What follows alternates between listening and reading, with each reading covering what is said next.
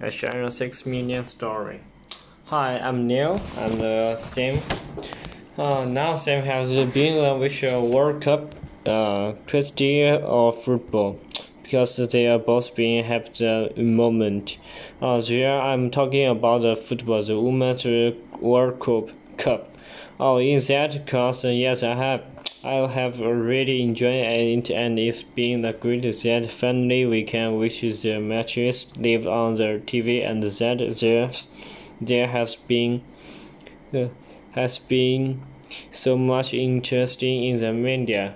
We will find out a little bit uh, more about the history of the women's football in the England in today a football game but first thing a question for you. Well, when was the first uh, official Women's Football World Cup?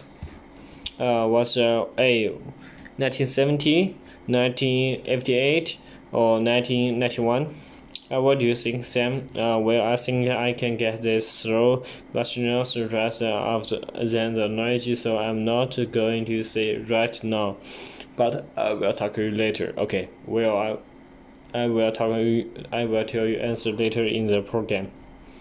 Now, Jem Crossa is a writer for the women's football in England. She spoke recently on the BBC Woman's Hour program. Here is he decides the reduction throughout the years to women's football. Has it, has it been easy for the women game in England? Women's has really been a strange to play, to have any kind of uh, isolate and to be taken seriously as an athlete.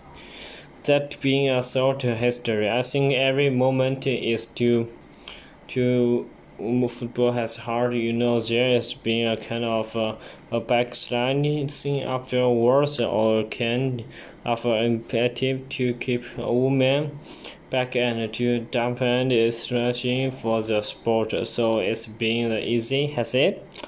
No, she she said it's not been a stranger, which which means it's been difficult to make any progress.